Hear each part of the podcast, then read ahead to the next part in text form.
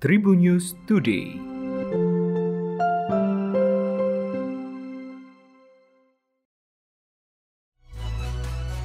Halo Tribuners, berjumpa kembali dengan Tribun News Today edisi hari ini bersama saya Gilang Putranto. Sejumlah informasi dihadirkan untuk Anda di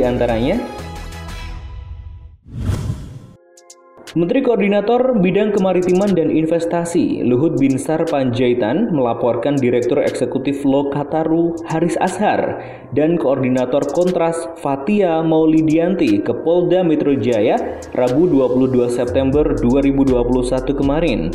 Laporan yang dibuat Luhut berkaitan dengan pencemaran nama baik. Menurut Luhut, hal itu perlu dilakukannya demi nama baik anak cucunya.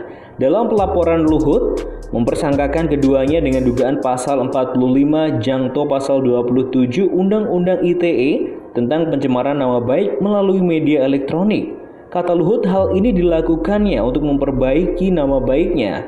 Sebelumnya, Luhut telah mengirimkan somasi kedua bagi Haris Azhar dan Fatia pada 2 Agustus 2021 lalu. Dalam somasinya, Luhut meminta Haris menjelaskan mengenai motif serta maksud dan tujuan dari unggahan di akun YouTube pribadinya yang berjudul Ada Lord Luhut di balik relasi ekonomi Ops Militer Intan Jaya, Jenderal Bin juga ada. Luhut merasa judul itu adalah berisi fitnah, penghinaan, pencemaran nama baik, berita bohong yang telah merugikan dirinya. Seorang remaja berinisial MF 17 tahun tega menganiaya ibu kandungnya SM 34 tahun hingga tewas.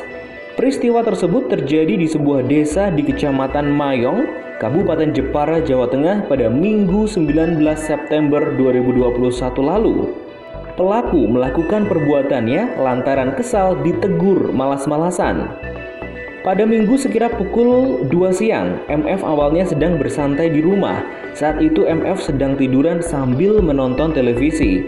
Hal itu ternyata membuat SM, sang ibu, menegur MF.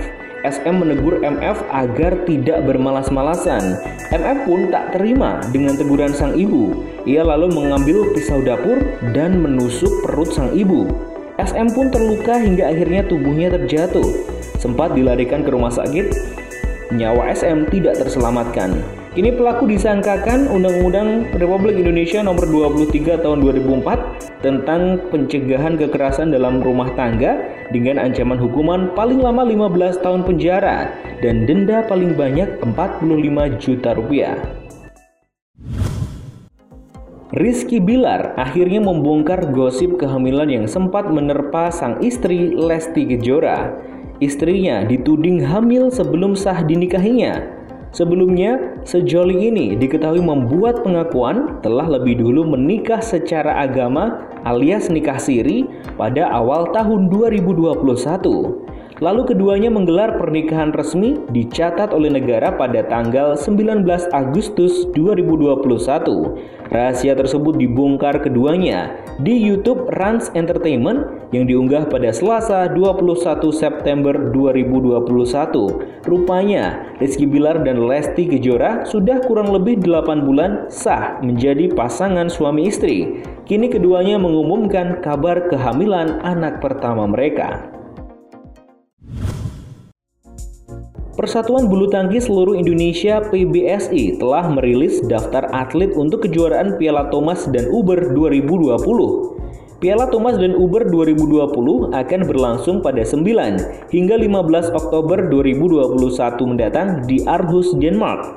Awalnya, Piala Thomas dan Uber dijadwalkan berlangsung pada 2020 lalu di Denmark. Meski diundur, nama resmi turnamen tersebut tetap Piala Thomas dan Uber 2020. Pada Piala Thomas dan Uber 2020, Indonesia akan diperkuat 12 pemain putra dan 12 pemain putri. 12 pemain putra ialah Anthony Sinisuka Ginting, Jonathan Christie, Cesar Hiren Rustavito, Chico Aura Dwi Wardoyo, Marcus Fernaldi Gideon, Kevin Sanjaya Sukamulyo, Muhammad Ahsan, Hendra Setiawan, Fajar Alfian, Muhammad Rian Ardianto, Leo Roli Karnando, dan Daniel Martin.